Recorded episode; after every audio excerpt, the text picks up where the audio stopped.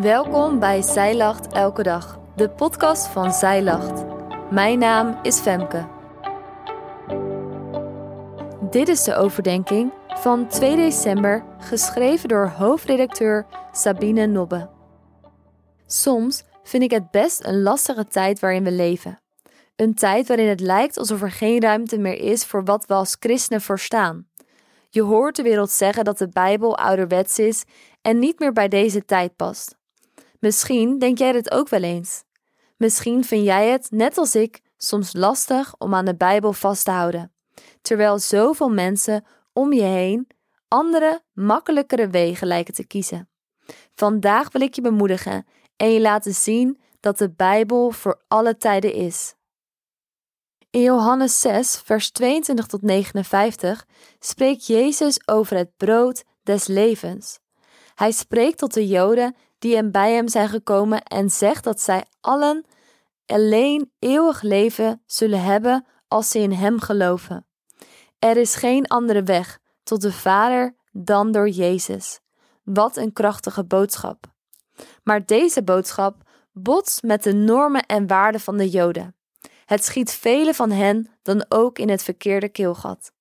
En terwijl Jezus tot hen spreekt, beginnen ze te morren. Ze mopperen over wat hij zegt en zeggen tegen elkaar: Dit woord is hard. Wie kan het aanhoren? Veel van Jezus' volgers kunnen zijn boodschap niet accepteren en haken af. Ze stoppen zelfs hem te volgen. Wat we zien in dit gedeelte, vraag je je misschien af. Zelfs toen Jezus hier op aarde was, konden de mensen zijn woorden, Gods woorden, niet accepteren. Het conflict tussen de woorden van God en die van de wereld is dus nu niet iets anders dan toen. Het is altijd al zo geweest. Nadat vele van Jezus' volgers hem hadden verlaten, gaat het verhaal in Johannes 6 verder. In Johannes 6, vers 67 tot 68 staat: Jezus zei dan tegen de twaalf: Wilt u ook niet weggaan? Simon Petrus dan antwoordde hem: Heere, naar wie zullen wij gaan? U hebt woorden van eeuwig leven. Petrus beleidt dat Jezus de Christus is, de Zoon van de levende God. Hij begrijpt dat Jezus' woorden waar zijn en de enige weg naar het eeuwige leven. In Johannes 1, vers 1 tot 18 lezen we over het vlees geworden woord. Dit vond ik vroeger altijd lastig te begrijpen.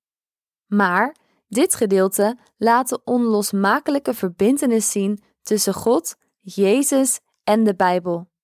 Het woord van God en het woord is vlees geworden. Jezus zelf is het woord van God.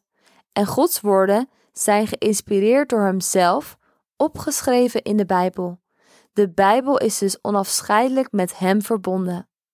Dat de Bijbel door God is geïnspireerd, betekent dat het door God aan de mensen is gegeven die het hebben opgeschreven.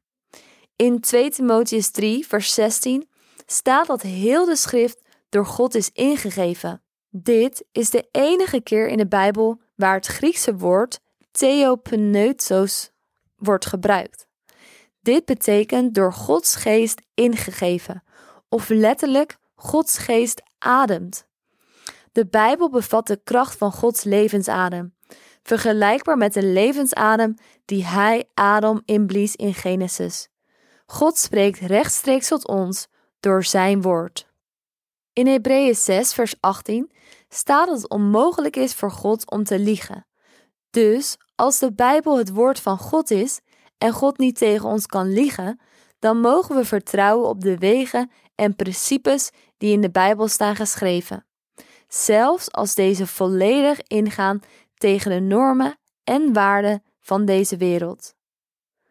Alles wat we nodig hebben in het leven is beschikbaar in de Bijbel. In, dat kan je zien in 2 Petrus 1, vers 3. Het is genoeg. We hoeven nergens anders te zoeken naar meer openbaring of boodschappen van God. Alles wat we nodig hebben om Hem te kennen, van Hem te houden en Zijn wil te volgen, dat staat in dit ene boek geschreven. En deze woorden zullen niet voorbij gaan. Ze zullen niet vervagen. In Matthäus 24, vers 35 staat: De hemel en de aarde zullen voorbijgaan, maar mijn woorden zullen dit zeker niet voorbijgaan. De woorden in de Bijbel zijn van blijvende waarde. Dit betekent dat de Bijbel niet ouderwets is, maar juist nog steeds van deze tijd. Het is nog steeds relevant voor ons in het heden en in de toekomst. Daarom mogen we op vertrouwen en onze hoop erop vestigen. Met de start van Advent morgen mogen we uitkijken naar het vlees geworden woord op aarde. Jezus spreekt woorden van eeuwig leven. Naar wie zullen we anders gaan dan naar Hem? Voordat je gaat, heb jij altijd al eens de hele Bijbel willen lezen, maar lijkt het een te grote opgave? Wij helpen je graag door het in 2024 samen te doen. Doe jij mee? Bestel nu de Zij Lach Bijbel in één jaar of download het gratis leesrooster.